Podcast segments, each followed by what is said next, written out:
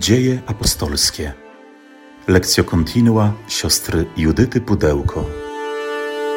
Spróbujmy pozostawić gdzieś na boku to wszystko, co absorbowało nas w tym dzisiejszym dniu i też w naszych myślach, w naszym sercu uczynić przestrzeń dla Słowa Bożego. Bo to Słowo Boże zawsze jest dla nas dobrą nowiną, jestem darem, darem miłości Pana, który nieustannie, na nowo, w sposób świeży i za każdym razem niepowtarzalny przynosi nam dar swojej miłości. Panie Jezu Chryste, prosimy Cię o dar Twojego Ducha, który zawsze czyni to słowo, które nam dajesz nowym. I to słowo staje się tym słowem skierowanym do każdego z nas, do naszego serca, do naszego życia. Oddajemy Ci to wszystko, co jest treścią tego dzisiejszego dnia i prosimy Cię, pozwól nam usłyszeć to, co dziś dla nas w tym słowie przygotowałeś. Przyjdź o Duchu Święty, przyjdź mocy Boga i słodyczy Boga. Przyjdź Ty, który jesteś poruszeniem i spokojem zarazem. Odnów nasze męstwo, wypełnij naszą samotność pośród świata. Twórz w nas zażyłość z Bogiem. Przyjdź, Duchu, z przebitego boku Chrystusa na krzyżu. Przyjdź z ust zmartwychwstałego. Tak jak to zwykle czynimy podczas naszej lektury, będziemy powracać do takiego rozkładu jazdy, czyli struktury tekstu dziejów apostolskich, żeby za każdym razem przyglądać się, w jakim punkcie jesteśmy, jaka droga już jest za nami i jeszcze jakie kolejne etapy są przed nami. To są te części, ten podział dziejów apostolskich, o którym już sobie mówiliśmy podczas naszego wstępnego wprowadzenia. To są takie duże, główne części, w których oczywiście będzie e, bardzo dużo małych fragmentów, e, które będą wchodziły w skład tychże właśnie części. E, I dzisiaj zaczynamy. Pierwsza część, która jest nazywana prologiem, czyli niektórzy mówią taka część zerowa, taki punkt zerowy, bo to jest ten łącznik pomiędzy Ewangelią e, według świętego Łukasza a dziejami apostolskimi, czyli tak od Ewangelii do dziejów apostolskich. I co w tym fragmencie będzie się znajdowało?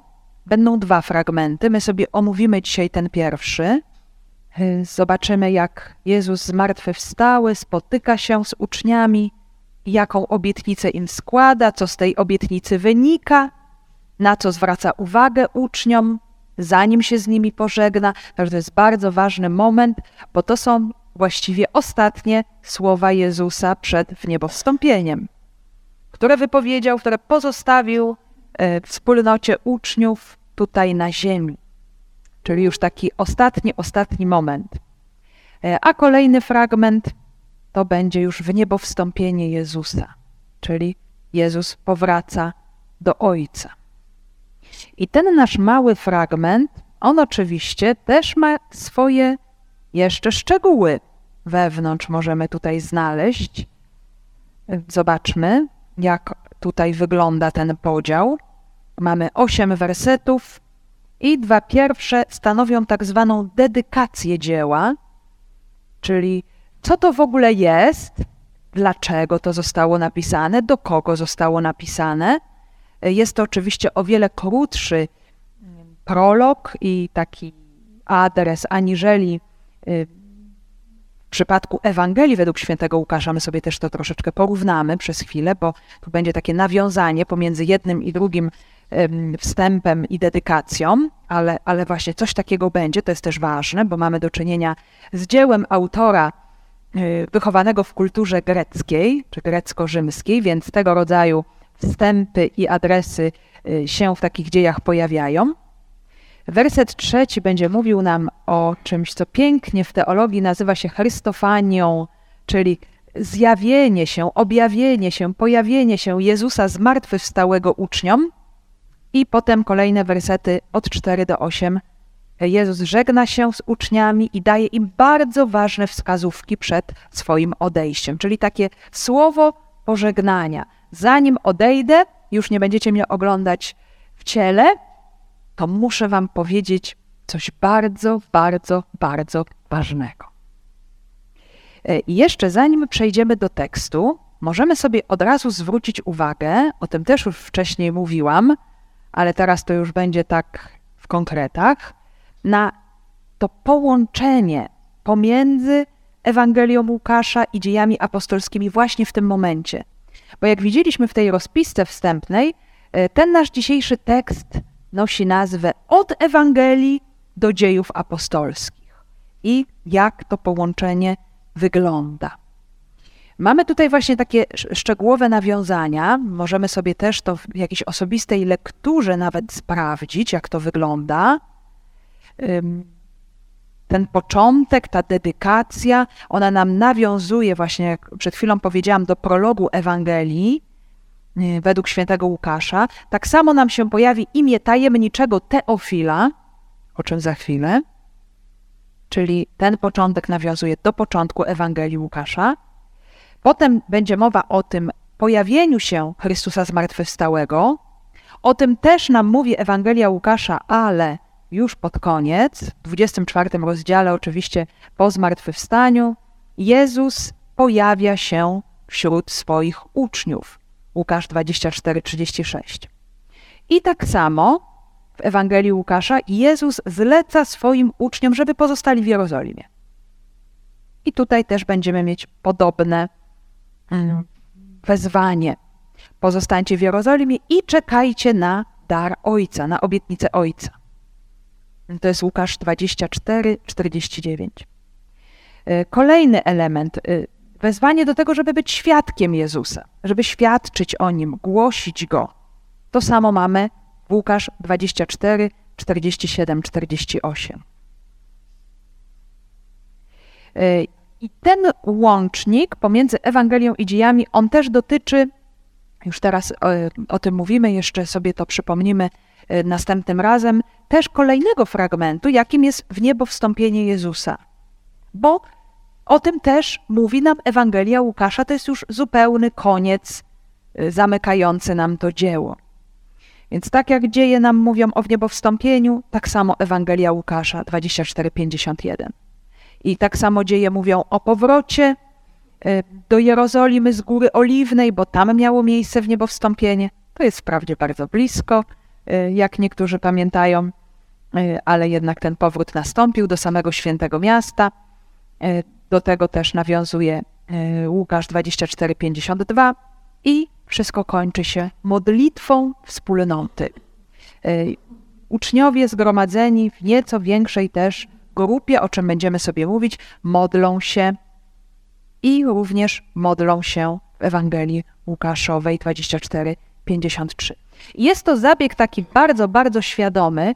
To nie jest tak, że Łukasz po prostu się zapomniał i musi sobie to przypomnieć, albo y, czyni to po prostu w sposób zupełnie nieświadomy. To jest bardzo świadome powtórzenie, które było stosowane u różnych autorów greckich, na przykład Lucjana Samostaty.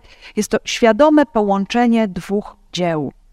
E, te same elementy, które są w jednym dziele, pojawiają się w drugim dziele, żeby pokazać czytelnikowi, to ma ze sobą ścisły związek. Jeżeli chcesz zrozumieć dzieło numer dwa, to przeczytaj dzieło numer jeden.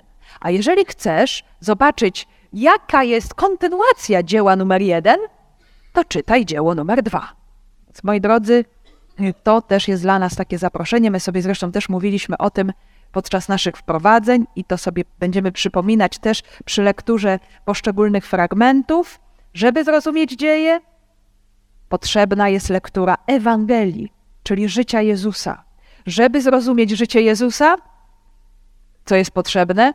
Znajomość Starego Testamentu i innej możliwości nie ma.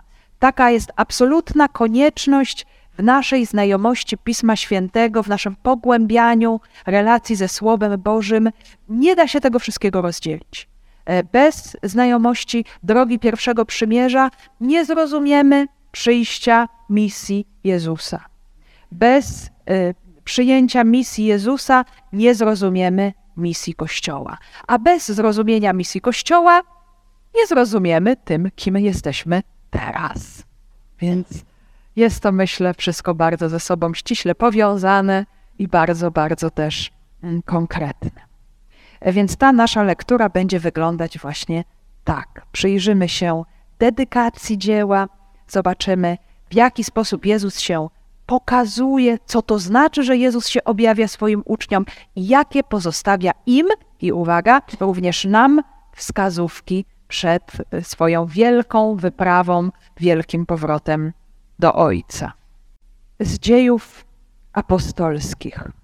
Pierwszą naukę napisałem o wszystkim o Teofilu, co zaczął Jezus czynić i nauczać, aż do dnia, w którym pouczywszy przez Ducha Świętego apostołów, których wybrał, został wzięty.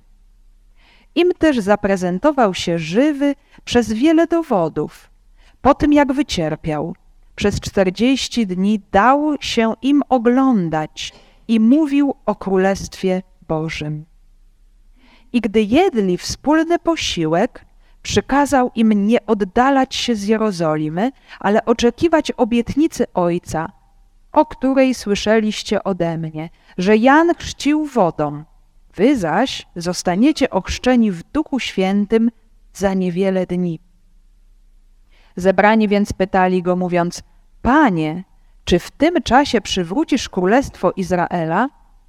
Rzekł więc do nich: Nie wam znać czasy i chwile, które ojciec ustalił własną władzą, ale otrzymacie przychodzącą na was moc Ducha Świętego i będziecie moimi świadkami w Jerozolimie i w całej Judei i w Samarii i aż po krańce ziemi.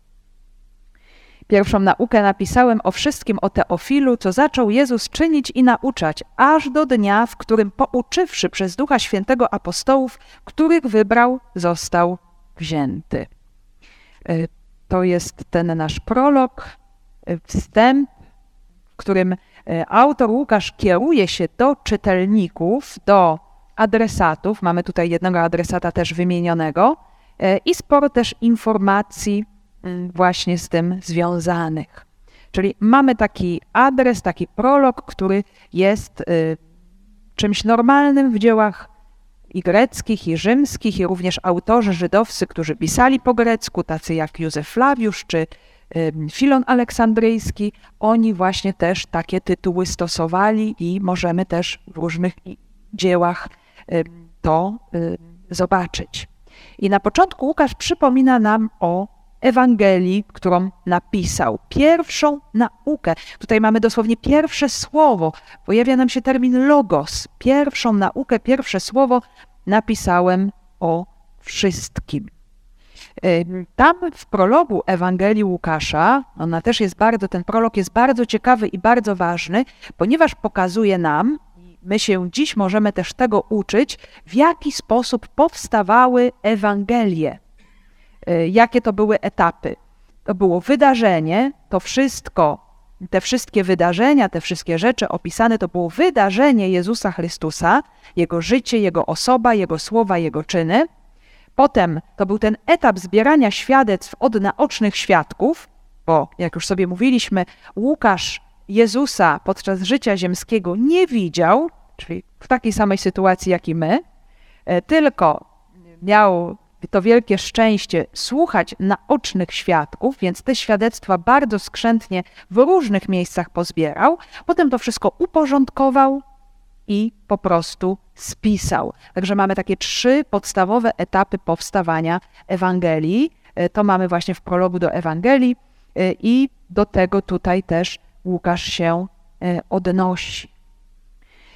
Teraz je, Łukasz mówi nam o tym co stanowił zakres życia Jezusa, co jest też bardzo ważne, e, czyli to wszystko, co Jezus czyni i naucza, te dwa słowa, czyny i nauczanie, to się odnosi do publicznej działalności Jezusa, która oczywiście rozpoczyna się wraz z chrztem, o czym czytamy w Ewangelii Łukasza w rozdziale trzecim. I od momentu chrztu Jezus działa, jest całe wydarzenie paschalne, jego męka, śmierć i zmartwychwstanie i wszystko kończy się momentem w niebo wstąpienia. I tak się Ewangelia Łukasza kończy. Jezus zostaje wzięty do góry. Tu mamy bardzo piękny termin. Jeszcze będziemy sobie o nim mówić następnym razem, bo to się właśnie dokona, ale tu już to słowo jest użyte. E, analambano, dosłownie wzięty do góry. E, to samo słowo e, było używane też w opisie chociażby odejścia z tego świata Eliasza. Pamiętamy, jak prorok Eliasz odszedł, w bardzo tajemniczy sposób został wzięty, zabrany do góry. Właśnie i tutaj Jezus też został zabrany. Czyli cała ta wędrówka Jezusa, y, którą on podejmuje też w Ewangelii Łukaszowej, pamiętamy o motywie wędrówki, ona y, nie kończy się na Jerozolimie, ale ona kończy się właśnie w tym momencie, kiedy Jezus odchodzi do Ojca, czyli wraca, no może powiedzieć gdzie, jeszcze będziemy o tym mówić następnym razem, ale y, wraca do tej sfery boskości, którą miał od zawsze. I to jest bardzo ważne, o czym będziemy mówić y, też następnym razem, ale już możemy to sobie y, otworzyć umysł właśnie na tę wielką prawdę, że Jezus wraca do tej sfery boskości, do Ojca, ale wraca w ciele ludzkim, takim jak nasze. Czyli następuje nieprawdopodobna zmiana, dlatego w niebo wstąpienie jest niesamowitą zmianą również kondycji człowieka, człowieczeństwa. Ale o tym następnym razem nie chcę tutaj się na tym dłużej e, zatrzymywać, to tylko tak, żeby zaciekawić, e, o czym też będziemy e, dalej mówić. Czyli jest zakreślenie, zarysowanie właśnie tego wszystkiego, co tutaj jest szczególnie ważne w Ewangelii, a zatem publiczna działalność Jezusa. I to będzie miało bardzo duże znaczenie też w Kościele. Tutaj Łukasz daje już tak jakby taką definicję tego, kto może być uznany za prawowiernego apostoła. To znaczy, to jest świadek, który był od momentu chrztu Janowego, czyli od momentu początku publicznej działalności Jezusa, aż do wniebowstąpienia. I to zobaczymy chociażby przy uzupełnieniu grona dwunastu, przy wyborze kolejnego apostoła na miejsce Judasza, właśnie taki warunek będzie postawiony. To jest właśnie to kryterium. Ktoś, kto był świadkiem, kto widział, kto słyszał, kto może jako ktoś prawowierny dać świadectwo o e, Jezusie. E, także apostołowie zostali przez Jezusa wybrani. Tutaj mamy taki bardzo też ciekawy zabieg stylistyczny w tym zdaniu. To wyrażenie przez Ducha Świętego no, jest tak w tym zdaniu umiejscowione, to jest też bardzo ciekawe, możemy to sobie porównać w różnych przekładach, to różnie wygląda, że ono może być z jednej strony odniesione i do tych pouczeń, które Jezus daje, pouczywszy przez Ducha Świętego apostołów, ale można to też przetłumaczyć, nie ma tutaj żadnej różnicy, że pouczywszy apostołów, których wybrał przez Ducha Świętego. I to nam pokazuje taką bardzo ważną prawdę, że wszystko, co Jezus czynił wobec apostołów, czyli jakich wybierał, czy jakich pouczał, czy cokolwiek innego, wszystko dokonywało się w Duchu Świętym. Czyli co to znaczy, że dokonywało się w Duchu Świętym? W tej komunikacji pomiędzy Ojcem i Synem. Bo Duch Święty to jest osobowa miłość, która łączy Ojca i Syna. Czyli to nie było tak, że Jezus sobie sam tutaj coś tam wymyślił, pomyślał i zrobił, ale on był w ciągłym kontakcie z Ojcem. Możemy sobie przypomnieć, jak Jezus wybiera uczniów, jak wchodzi na górę, jak się modli. Łukasz w swojej Ewangelii bardzo mocno to podkreśla. Mówi o wiele więcej niż wszyscy inni ewangeliści o modlitwie Jezusa. Przed każdym ważnym wydarzeniem, czy w różnych ważnych wydarzeniach swojego ziemskiego życia Jezus się modli, to znaczy rozmawia z Ojcem o tym, co ma się stać. Jak wybiera uczniów, jak ma uczniom coś ważnego powiedzieć, rozmawia z ojcem. Czyli dochodzi do tej komunikacji pomiędzy ojcem i synem, a komunikacja pomiędzy ojcem i synem to jest Duch Święty. To jest ta miłość, która zachodzi pomiędzy nimi. Już tak Łukasz chce powoli wprowadzać słuchaczy i czytelników, o kim tutaj będzie mowa sobie mówiliśmy o tym, że tradycja chrześcijańska określa dzieje e, apostolskie jako dzieje Ducha Świętego. Dzieje Kościoła prowadzonego przez Ducha Świętego. Ten Duch Święty będzie się ujawniał, chociaż on jest tak bardzo tajemniczą osobą Trójcy Świętej, bo działa w sposób bardzo ukryty i można go rozpoznać po owocach, po znakach, po różnych działaniach, ale właśnie to będzie widać.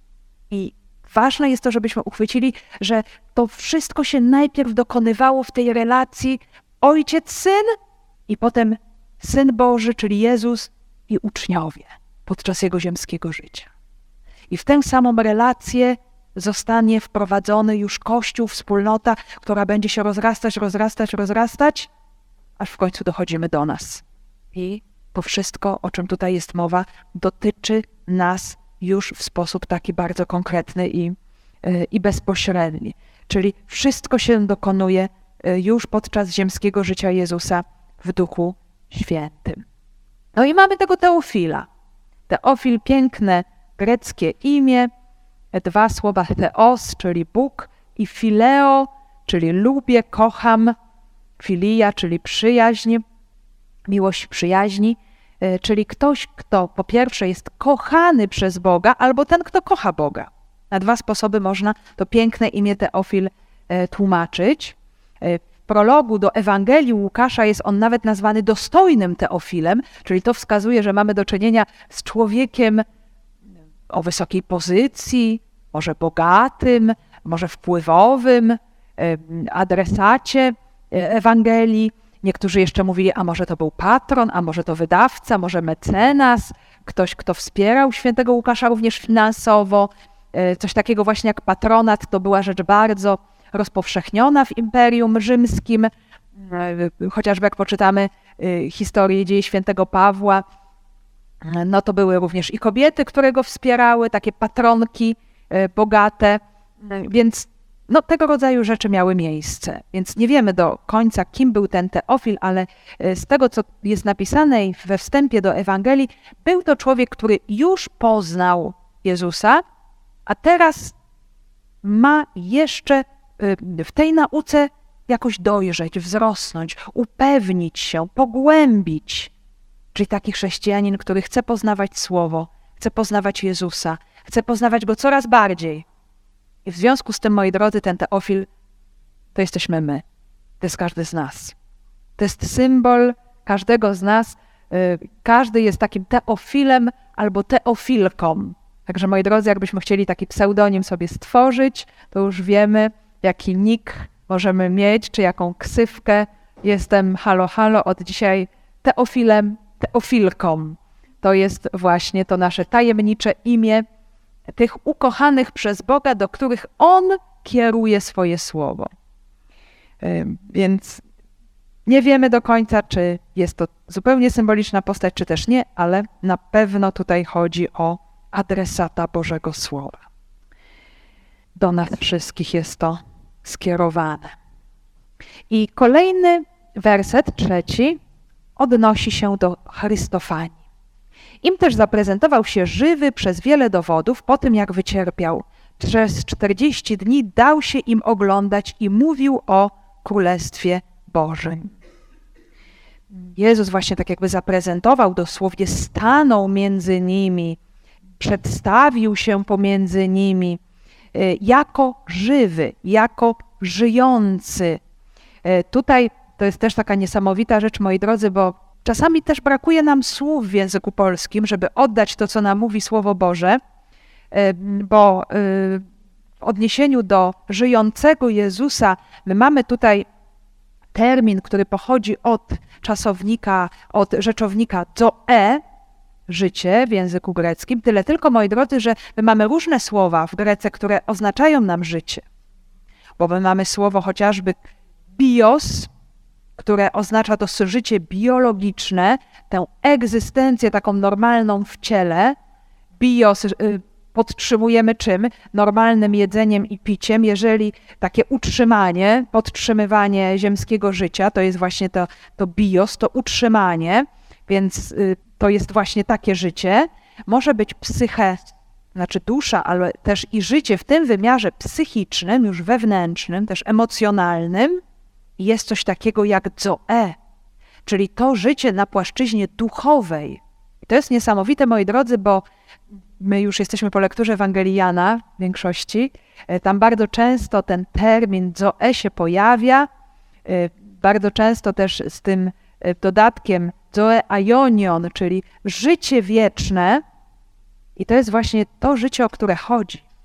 Zoe to jest, moi drodzy, to życie, którego autorem jest sam Bóg i to życie, którego nie można zniszczyć i przerwać. My możemy stracić bios, my możemy stracić psychę i o tym Ewangelia też nam mówi, że niektórzy chcą ocalić swoje życie i je tracą, bo to życie można stracić, ale Zoe to jest życie, którego nikt nam nigdy nie odbierze. I moi drodzy, to spotkanie z Jezusem żyjącym, ono właśnie nas otwiera na to życie na Zoe. I największą, moi drodzy, naszą troską w naszym życiu, oczywiście oprócz wielu rzeczy, którymi się musimy zajmować, bo, bo, no bo nie ma wyjścia i musimy się zajmować wieloma sprawami tutaj nam zadanymi e, w naszej codzienności, e, ale powinniśmy zwrócić uwagę i tak sobie pomyśleć, że w gruncie rzeczy wszystko się skończy na, tym, na tej ziemi, na tym świecie, ale jest coś, co się nie skończy. I to jest właśnie Zoe. To jest właśnie to życie, którego Jezus nam udziela z tego swojego nieśmiertelnego życia, bo On do nas przychodzi właśnie taki, żyjący, już żyjący na wieki. Już nic tego życia nie przerwie, nie skończy. I my to Zoe również mamy. To jest skutek przyjęcia Ducha Świętego, o czym jeszcze będziemy mówić mnóstwo razy. Ale już, żebyśmy weszli, y, czy zbliżali się, czy co, coraz bardziej na nowo zagłębiali się w w tę tajemnicę tego życia, którego jesteśmy udziałem. Tego życia, które jest, które trwa i które nigdy się nie skończy i y, które potrzebujemy podtrzymywać i potrzebujemy go nie zaduszać. Bo można to życie, to Zoe w sobie przyćmić, można je w sobie zaniedbać, można go po prostu nie rozwijać. A Jezus, który jest żyjący, tym nowym życiem, tym niezniszczalnym życiem, przychodzi po to, żeby nam o tym przypomnieć, żeby nam tego życia udzielać. Żeby, żeby ciągle to, to życie, to Zoe w nas intensyfikować. Ale będziemy jeszcze o tym dużo mówić, bo to, to, to wszystko będzie sprawą Ducha Świętego, ale tego życia, tego Ducha udziela nam właśnie ten żyjący, ten zmartwychwstały. Dlaczego szukacie żyjącego wśród umarłych? Właśnie to jest ten żyjący, Y, to, to było orędzie anioła w Ewangelii Łukasza do kobiet, które przychodzą do grobu, grób jest pusty, bo Jezus jest już żyjący, żyjący w sposób nieskończony i niezniszczalny. I on właśnie taki żyjący stanął również pomiędzy uczniami, kiedy oni właśnie nie wiedzieli, jak, jak to wszystko jest, jak to wszystko mają rozumieć. I tu również kolejny właśnie element kryterium świadka, e, prawdziwego apostoła, powiedzieliśmy sobie, że z jednej strony to jest ten, który towarzyszył Jezusowi od chrztu do wniebowstąpienia, ale to jest również ten, który widział żyjącego, który spotkał żyjącego zmartwychwstałego Pana. Jezus sam tutaj wychodzi z inicjatywą. Bardzo jest ciekawe to stwierdzenie, że Jezus dał wiele dowodów. Dowodów czego? dowodów tego, że On żyje i że to jest właśnie On. Sobie mówiliśmy o tym w Ewangelii Jana, o tym świadectwie Jezusa, o tych dowodach. Jezus pokazuje swoje rany, swoje przebite ręce, swój bok. To są te dowody bardzo konkretne, że to jest ten ukrzyżowany, ten sam ukrzyżowany jest teraz żyjący w sposób nieskończony. Ale ewangelista Łukasz Y, kładzie nam bardzo mocny nacisk na co? Na cielesność Jezusa. To już widzimy właśnie w Ewangelii Łukaszowej, gdzie początkowo uczniowie nie dowierzają, widząc Jezusa w ciele, nie wiedzą w ogóle, jak zareagować. Jezus mówi: No, dotknijcie się mnie, zobaczcie. Bierze, je rybę, bierze kawałek pieczonej ryby, spożywa ją. Ja nie jestem duchem, ja jestem cielesny. To jest ten niesamowity dowód, y, no, który jest porażający, który powala, y, który będzie bardzo mocno też obecny w świadectwie apostołów. Zmartwychwstanie, które dokonuje się w ciele. No, to było rzeczą e, wręcz nieprawdopodobną i niezwykłą, Zwłaszcza jeżeli weźmiemy pod uwagę, że Łukasz pisze swoje dzieło do Greków, czy do tych, którzy są wychowani w kulturze greckiej, gdzie no, to ciało raczej było dosyć pogardliwie traktowane. E, dusza była czymś o wiele ważniejszym, ta część duchowa była ważniejsza, ta część cielesna o tyle, o ile, a tutaj tak niesamowicie ważne ciało. Ciało, które doświadcza jakiegoś niesamowitego wywyższenia, chwały, nowego życia. I co za tym idzie, jest to zapowiedź również tego, y, co będzie dotyczyło nas wszystkich, naszej przemiany, która się dokona w naszym ciele. Nie? Bo to wszystko, co wchodzi Jezus, co przeżywa Jezus, to również jest zaproszeniem dla nas. My również tego samego, tej samej przemiany yy, doświadczymy. Ale właśnie to kryterium cielesności.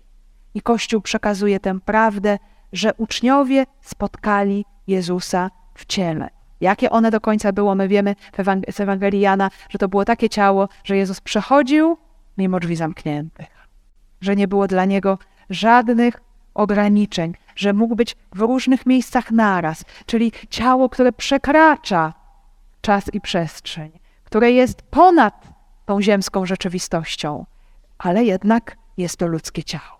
To ciało, w którym Jezus przeżył swoje ludzkie życie. Też kolejny bardzo ważny element, że Jezus dał się uczniom oglądać. E, tutaj mamy taką bardzo ciekawą, rzadką formę e, czasownika właśnie chorao, oglądam, patrzę, oglądam e, czasu przeszłego, ale w stronie biernej, to też jest bardzo ważne, że dał się oglądać. E, czyli to oglądanie Jezusa, ono nie wynika z tego, że uczniowie mają taki świetny wzrok. Nie mają wady wzroku, i mogą sobie, tak się bardzo skupią, otworzą szeroko oczy i mogą tego Jezusa zobaczyć. Nie. To jest dar.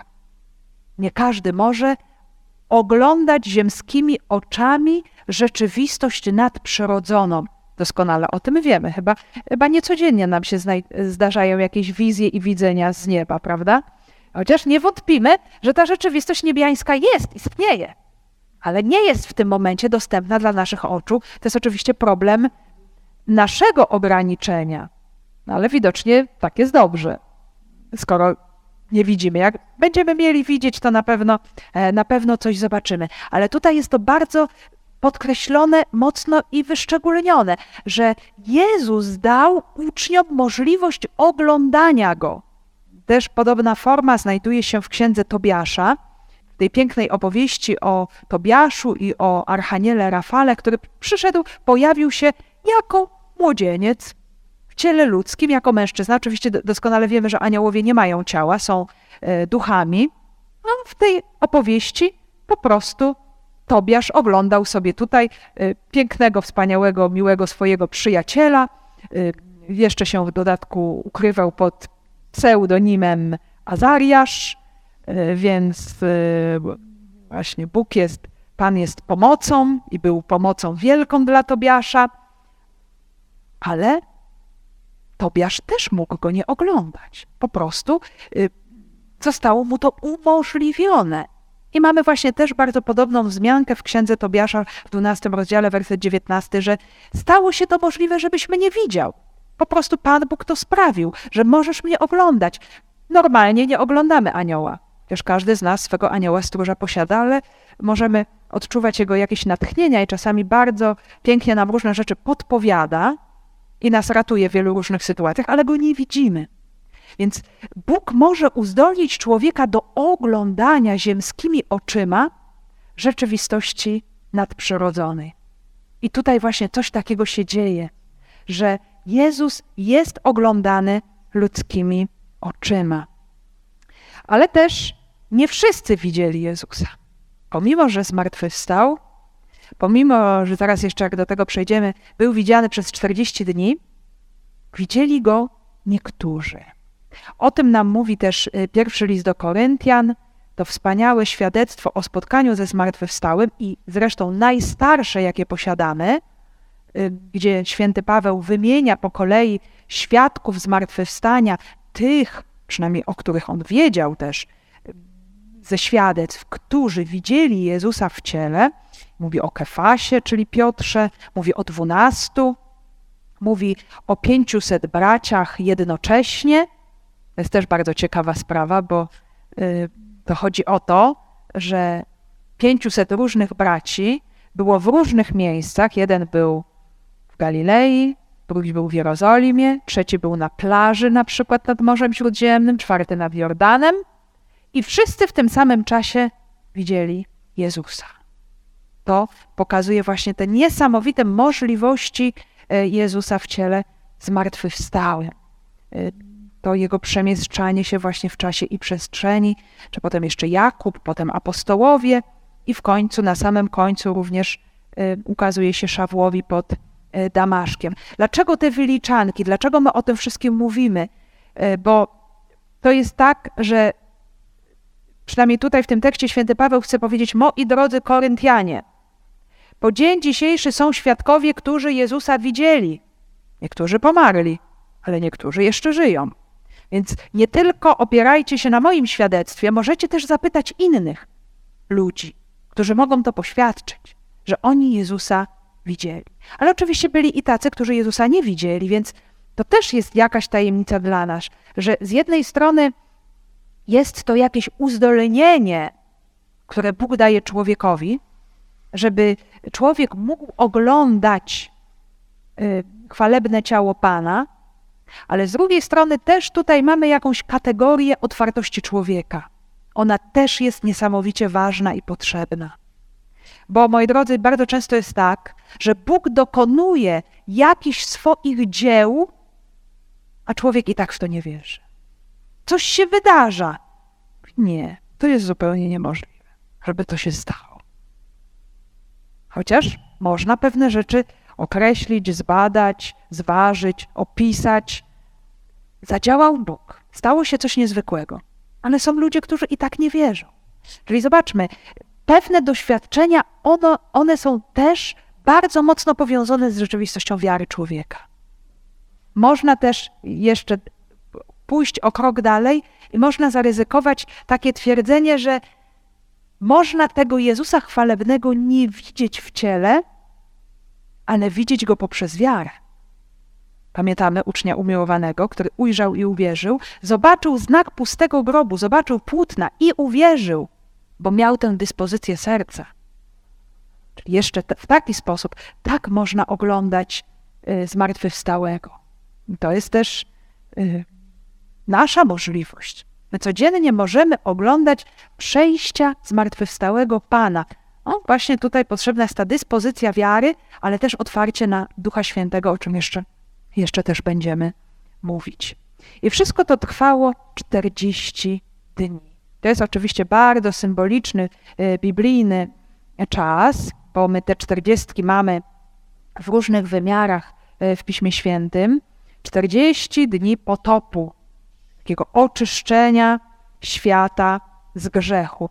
40 dni Mojżesz przebywał na górze Synaj, żeby otrzymać pouczenie od Boga, by rozpocząć jakiś nowy etap, żeby wejść w przymierze. Zobaczmy, to jest niesamowita rzecz, bo to, to będzie taki bardzo paralelny obraz. My go zobaczymy bardzo wyraźnie już e, za, za bardzo krótki czas, Y, kiedy będziemy przeżywać pięćdziesiątnicę, no to jest właśnie dokładnie ta droga od Paschy do święta tygodni, do nadania Tory na Synaju. I to samo jest zupełnie w tej rzeczywistości wspólnoty. Od Paschy Jezusa do pięćdziesiątnicy. Te dwie rzeczywistości się bardzo mocno nakładają, więc te 40 dni Mojżesza na górze jest tutaj jak najbardziej też w to wpisane. 40 lat Izraela na pustyni, kiedy się przygotowuje do wejścia do ziemi obiecanej, 40 dni Jezusa na pustyni. Jakiś słuszny, kompletny czas przygotowania do wejścia w nową rzeczywistość, do rozpoczęcia już życia w zupełnie nowym wymiarze w Duchu Świętym. I co Jezus robi podczas tych 40 dni? Naucza. Naucza, y, mówi, ale w tym momencie zobaczmy, nie czyni cudów Nic przynajmniej o tym nam autor nie mówi. Tak jakby te, ten czas czynienia cudów chciał w tym momencie pozostawić już wspólnocie, którą teraz przygotowuje. O, te cuda się będą działy bardzo mocno i wyraźnie, jak tylko Duch Święty stąpi. Więc tę pałeczkę przejmą już uczniowie i uczennice Jezusa. I Jezus naucza tutaj o czym? O Królestwie Bożym. To jest też bardzo ważny temat, też nas łączy oczywiście z Ewangelią. Nie będę tutaj robić całego dyskursu na ten temat, bo to by bardzo długo trwało, no ale dajemy sobie sprawę, że zwłaszcza w Ewangeliach synoptycznych, czyli u Mateusza, Marka i Łukasza, ten temat Królestwa Bożego pojawia nam się bardzo, bardzo często. To jest to, o czym Jezus mówi od samego początku, kiedy rozpoczyna, startuje w Galilei y, swoje nauczanie i mówi: Przybliżyło się do Was Królestwo Boże. Y, i to wszystko jest potwierdzane różnymi znakami i cudami, które Jezus dokonuje. Jezus mówi wprost, kiedy uwalnia ludzi od działania złego ducha, kiedy dokonuje egzorcyzmu. Jeżeli ja palcem Bożym wyrzucam złe duchy, to znaczy, że przybliżyło się do Was Królestwo Boże. Ono się objawi właśnie w pełni y, w zwycięstwie Jezusa nad złym duchem i nad śmiercią. Też uczniowie podczas ziemskiej działalności Jezusa też są wysyłani, żeby głosić Królestwo Boże.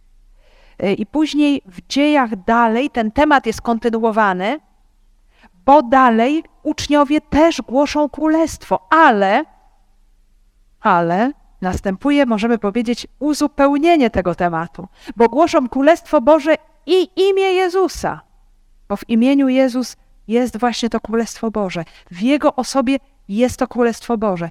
Także później e, pisarze chrześcijańscy Orygenes e, nazwał Jezusa, jest takie piękne greckie słowo, autobazileia. Bazileia to jest królestwo, autos to jest właśnie on sam, czyli Jezus jest sam w sobie jest tym królestwem. W nim objawia się w pełni to królowanie Boga. I każdy, kto przyjmuje Jezusa, otwiera się na Jezusa, staje się tą przestrzenią królowania Boga. Trzeba po prostu Panu Bogu zrobić miejsce w sobie, miejsce wokół siebie. Im bardziej robimy tę przestrzeń, tym bardziej Bóg króluje. Królowanie Boga to nie jest kwestia jakiegoś, że tak powiem, ustalenia, że teraz ustalimy, że teraz Pana Jezusa będziemy intronizować, założymy Mu koronę itp. itd. Oczywiście to jest bardzo piękne, jak najbardziej, pewien znak, pewien obraz, ale to jeszcze nic tak jakby nie wprowadza, nic nie zmienia. W jaki sposób Bóg króluje? Kiedy my dajemy Mu miejsce w naszym życiu. Wtedy On może królować kiedy przyjmujemy Jego wolę. To, o co się modlimy, moi drodzy, w modlitwie pańskiej. Nie wiem, czy mniej, czy bardziej świadomie, kiedy mówimy, bądź wola Twoja, jako w niebie, tak i na ziemi. Przyjdź królestwo Twoje, bądź wola Twoja, jako w niebie, tak i na ziemi. Co to znaczy? Że prosimy, żeby tutaj na ziemi objawiło się niebo. A co to znaczy? Niebo to jest miejsce, gdzie jest wypełniona wola Boga. Moi drodzy, niebo to jest pełnia szczęścia. I gdzie się to pełne szczęście kiedy się realizuje? Kiedy jest wypełniona wola Boga. Czy bardzo często tej woli Boga boimy, czy ludziom się wydaje, że e, Bóg coś zabiera, Bóg na coś nie pozwala, Bóg ogranicza, lepiej tego Pana Boga usuńmy, a tymczasem jest zupełnie inaczej. Bo tam, gdzie się pełni wola Boga, to jest po prostu już pełnia szczęścia.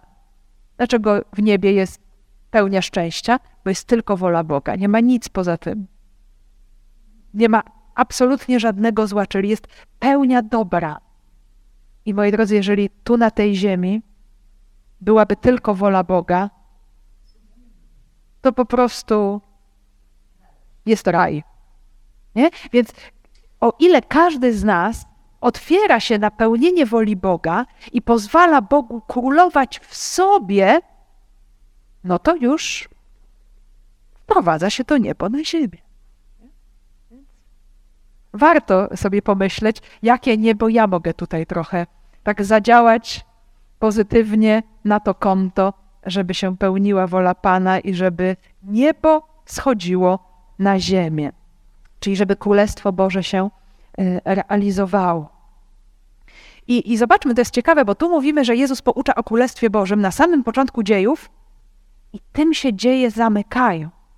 Że ten biedny święty Paweł, ten więzień, który w końcu jest dowieziony do tego Rzymu na samym końcu, pomimo że jest w areszcie domowym, to jednak głosi Królestwo Boże i Jezusa. Nie jest nikt w stanie uwięzić Słowa Bożego, to Królestwo Boże dalej jest głoszone aż po dzień dzisiejszy. Czyli mamy taki, możemy powiedzieć, łącznik, ten element, który też jest ważny y, i całe dzieje apostolskie będą nam pokazywać, y, w jaki sposób też to Królestwo Boże jest, y, jest głoszone. Więc Jezus się zjawia, Jezus poucza, Jezus pozwala siebie oglądać, daje te dowody, pokazuje swoje ciało, no i teraz w końcu daje instrukcje. Jakie? Gdy jedli wspólny posiłek, przykazał im nie oddalać się z Jerozolimy, ale oczekiwać obietnicy Ojca, o której słyszeliście ode mnie, że Jan chrzcił wodą, wy zaś zostaniecie ochrzczeni w Duchu Świętym za niewiele dni. Także jest tutaj mowa o wspólnym posiłku, chociaż y, taki ciekawy idiom grecki się pojawia, mianowicie y, to słowo synalidzomai oznacza dzielić razem sól, dzielić się solą, taki idiom, który oznacza właśnie jeść wspólny posiłek, jeść razem. To wspólne jedzenie jest ważne zarówno i w kulturze żydowskiej, ale również w kulturze greckiej, e, bo przecież cała tradycja e, greckich sympozjonów, które my znamy może jako sympozja, ale to już było w starożytności, kiedy się spotykano na wspólnym posiłku i bardzo ważne e, z, z obecnością wina, żeby dyskutować o bardzo ważnych rzeczach. To nasze naukowe sympozja właśnie stąd się wywodzą, chociaż może tego posiłku i wina nie ma na tych sympozjach, jest tylko dyskusja, więc tak nie do końca jest to realizowane, ale pamiętajmy, jaki jest idea sympozjonów. Więc te uczty greckie miały miejsce, więc to jest też ważne, że to się dokonuje podczas uczty. Grekom to było wtedy łatwiej zrozumieć, zresztą y, właśnie Eucharystia dla judeochrześcijan, ona się łączyła z Paschą, a dla pogano-chrześcijan, no właśnie z takimi sympozjonami. No bo oni też musieli jakoś, no, zrozumieć to w swojej tradycji, w swojej kulturze.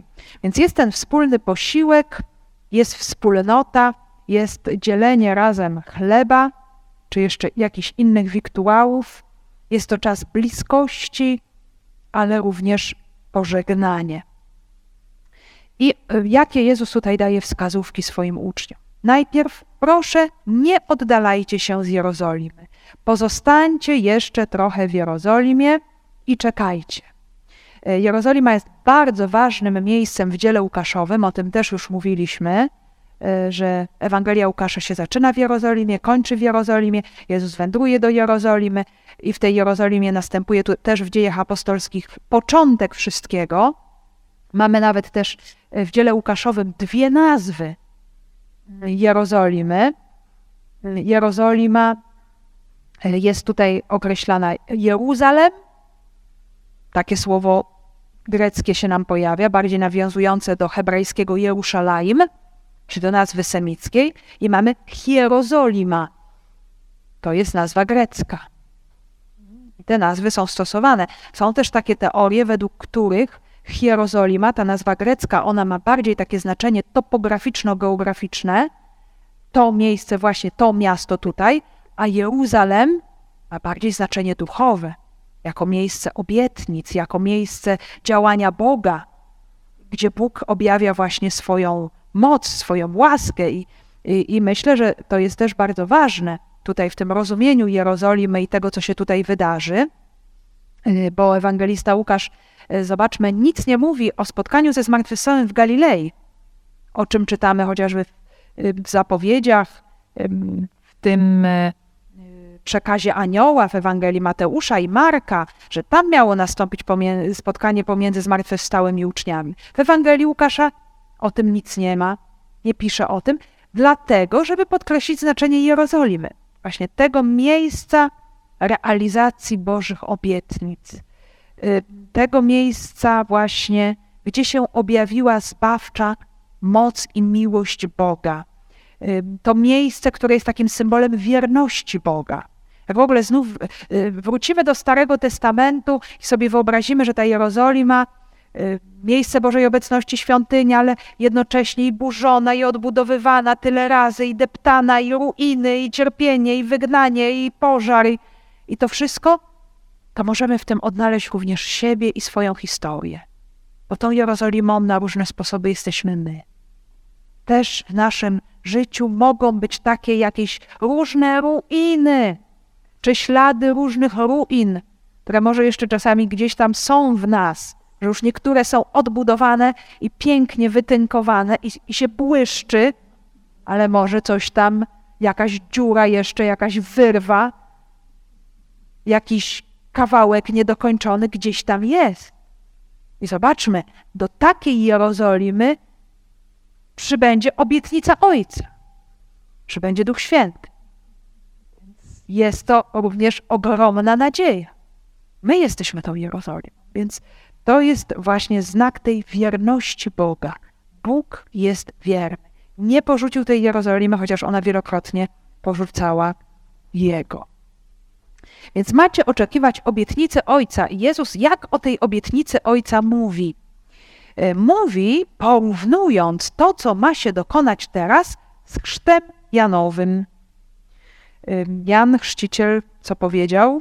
Mamy to oczywiście w Ewangelii Łukasza. Ja chrzczę was wodą, lecz idzie potężniejszy ode mnie, któremu nie jestem godny rozwiązać rzemyka u sandałów. On będzie was chrzcił Duchem Świętym, bądź w Duchu Świętym i ogniem. Co to jest ten chrzest? Bo oczywiście nam chrzest już się kojarzy z naszym sakramentem chrztu, e, ale tutaj mamy e, greckie słowo baptizma, które pochodzi od baptizo, co znaczy zanurzam. Czyli Jan, Jan zanurzyciel, możemy powiedzieć tak, można przetłumaczyć e, ten jego przydomek, zanurzał w rzece Jordan. Jak on zanurzał w rzece Jordan, tak teraz zostaniecie zanurzeni w Duchu Świętym.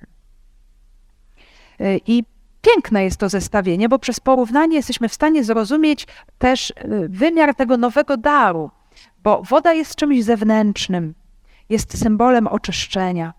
I to było działanie Jana. On zanurzał. Mamy tu formę, stronę czynną. On to czynił oczywiście na polecenie Boga. On brał tych ludzi i zanurzał w rzece Jordan. Natomiast teraz będzie coś wewnętrznego i uwaga, mamy użytą stronę bierną, czyli to nie jest coś, że my sobie to wyprodukujemy, czy ktoś nam to zrobi. Y, z ludzi oczywiście. Nikt z ludzi nam tego nie zrobi. Nawet jeżeli mamy dzisiaj szafarza y, sakramentu chrztu, to to nie jest ludzkie dzieło, tylko to jest dzieło, którego dokonuje sam Bóg w człowieku od wewnątrz. To zanurzenie w Duchu Świętym, czyli w miłości Ojca i Syna. To jest działanie samego Boga. I tak jak chrzest Janowy, ten chrzest, którym był ochrzczony Jezus, przygotowywał działalność Jezusa, tak samo chrzest w duchu otworzy działalność Kościoła. Zresztą będą te ruchy paralelne, już o tym mówiliśmy. To, co czyni Jezus, to w dziejach apostolskich będzie czynił Kościół. Będziemy widzieć te podobieństwa. Łukasz będzie to wychwytywał. To, co czynił Jezus, to będą czynić apostołowie. To, co czynił Jezus, co mówił Jezus, będą mówić kolejni jego głosiciele i uczniowie i cała wspólnota Kościoła. Czyli mamy bardzo tutaj wyraźną łączność. Zebrani więc pytali go, mówiąc: Panie, czy w tym czasie przywrócisz królestwo Izraela?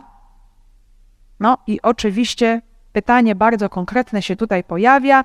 Widać, że uczniowie pomimo, uwaga, już przejścia przez tajemnicę paschalną Jezusa i przez Jego zmartwychwstanie, jeszcze niewiele z tego wszystkiego rozumieją i ciągle mają te swoje dawne oczekiwania.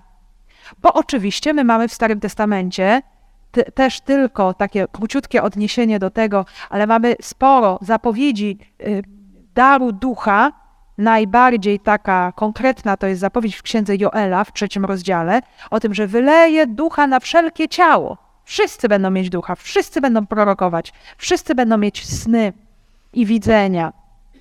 E, więc y, łączono to wylanie ducha z jakąś eschatologiczną, ostateczną odnową Królestwa Izraelskiego, że wtedy będziemy uwolnieni, wyzwoleni, odbudujemy. Właśnie, będziemy znakiem takiego panowania Bożego na świecie. Czyli właśnie taka trochę płaszczyzna polityczna, może trochę militarna, a na pewno też taka bardzo, bardzo materialna. Zwycięstwo nad wrogami i powrót do królowania. E, też tu jest bardzo taki ciekawy element, a mianowicie, Panie, czy przywrócisz Królestwo Izraela? Mamy termin apokatistano, który oznacza przywrócenie czegoś, coś, co było popsute, i teraz to wraca do wcześniejszego stanu. E, także w Septuagincie, w greckim Starym Testamencie, ten czasownik się na przykład odnosi do powrotu z wygnania babilońskiego, ale mamy taki bardzo piękny tekst w księdze Ezechiela, który nam mówi, że ten naród wybrany, tam jest on przedstawiony jako ta żona Boga, jego oblubienica, która go zdradziła, była niewierna, była potwornie y, wręcz niewierna i y, robiła najgorsze rzeczy w tym swoim bałwochwalstwie. Jest taka cudowna zapowiedź, że ty ze swymi córkami, czyli tak jakby wszystkie te miasta narodu wybranego, cały ten naród wybrany, wrócicie do stanu, w jakim byłyście na samym początku. Czyli to tak, moi drodzy, jakby największa możliwa ladacznica i prostytutka stała się w sposób cudowny i wspaniały dziewicą. Wrócisz do stanu, w jakim byłaś na początku. Ja cię całkowicie odnowię. To jest, moi drodzy, właśnie to, co czyni Duch Święty z człowiekiem. Czyni wszystko nowe. Choćbyś były nie wiadomo jak straszne rzeczy w życiu człowieka, on go stwarza na nowo. Czyni właśnie ten wielki cud e, wewnętrznej odnowy.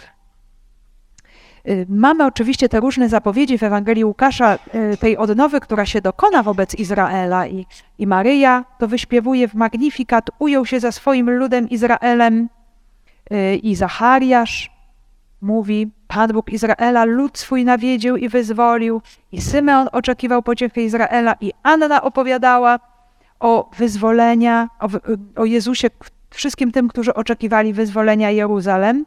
Więc mamy te elementy, to pewne napięcie, to oczekiwanie, i wszyscy sobie zadają pytanie, jak to się dokona.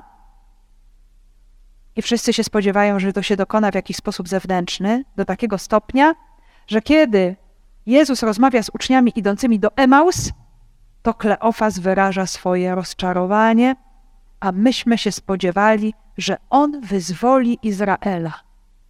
I zobaczmy, to jest właśnie to, czego również teraz oczekują dalej uczniowie. Czy w tym czasie przywrócisz królestwo Izraela? To jest ta nasza zawiedziona nadzieja. A jednak ma się dokonać coś zupełnie innego. I to coś innego wyraził proroczo Zachariasz. Jego ludowi dasz poznać zbawienie nie przez wyzwolenie polityczno-materialne, ale przez odpuszczenie grzechów. To jest to wyzwolenie, największe wyzwolenie, które Bóg dokonuje w życiu człowieka. To jest właśnie to. I to dokona Duch Święty. I to dokona Duch Święty. I Jezus dalej kontynuuje. To już jest właśnie ta końcówka. Rzekł więc do nich: Nie wam znać czasy i chwile, które Ojciec ustalił własną władzą, ale otrzymacie przychodzącą na was moc Ducha Świętego i będziecie moimi świadkami w Jerozolimie i w całej Judei i w Samarii i aż po krańce ziemi. Jezus daje instrukcję: Nie, nie, nie. To nie jest tak, jak myślicie ja wam teraz powiem, co się stanie, po co wy czekacie, dlaczego wy czekacie i co się stanie. I w pierwszym tym stwierdzeniu Jezus odnosi się do płaszczyzny czasu. Człowiek nie ma władzy nad czasem. Nie wam znać czasy i chwile. I tutaj mamy takie bardzo piękne rozróżnienie. Na czas w rozumieniu chronologicznym jest słowo chronos i na inny czas który jest określony za pomocą terminu kairos, czyli moment, moment, pora właściwa, pora sposobna, taki czas działania Boga, że się coś dokonuje. Co to jest ten chronos? Bo, co to jest ten kairos? Bo chronos to my doskonale wiemy. No to jest ten czas, który my odliczamy zegarkiem, kalendarzem, to jest chronos. A co to jest kairos? E, kairos w starożytnej Grecji to był taki bożek, który nie posiadał włosów, tylko posiadał długą grzywkę. I on tak szybko biegał. I jak przebiegał koło człowieka, to człowiek musiał go chwycić za tą grzywkę. To jest tak jakby chwycenie możliwości, sposobności, która się pojawia. I albo chwycisz, no albo przepadło. Albo przepadło. Więc to jest coś, co niespodziewanie ci się zdarza w Twoim życiu. Jest ta szansa, jest ten moment, bo zobaczcie, pewne rzeczy my możemy określić sobie czasowo. To nastąpi w tym i w tym dniu, o tej i o tej godzinie. Ale są takie rzeczy, których nie określimy chronologicznie. To jest też pewne nasze dojrzewanie duchowe, które się dokonuje. Albo zobaczmy, nawet w przyrodzie też, ile rzeczy dokonuje się w tym wymiarze kairos. Y, widzimy pąki kwiatu i czekamy. O, kiedy, kiedy, kiedy ten kwiat rozkwitnie? Nie wiemy. Nadchodzi moment i on rozkwita. Albo kiedy rodzi się dziecko. No, może coś tam się już medycznie można posterować, żeby ono się natychmiast urodziło, ale tak według natury czekamy, aż nadejdzie ten moment, ta pora właściwa, ten kairos. Człowiek nie może tego ustalić. Nie? Musi czekać, aż to przyjdzie i aż y, to się dokona. I wszystko to podlega władzy Boga, a człowiek tak bardzo chciałby wiedzieć, no kiedy to się stanie, no kiedy to nastąpi, no ile czasu ja mam jeszcze czekać. Jezus teraz chce powiedzieć: Słuchaj, ty nie musisz się martwić o te daty, o to, czy to będzie teraz, czy za rok, czy za pięć, czy za dwadzieścia. Dlaczego? Bo ja ci dam ducha i mając tego ducha, ty jesteś cały czas w kontakcie ze mną. Już cały czas jest Boże w tym momencie. Cały czas już jest, już wszystko wchodzi w tę rzeczywistość Kairos. Chronos staje się Kairos, ponieważ masz już stały przystęp do Boga. Ty możesz 24 na 24 z Bogiem komunikować wszystkie sprawy.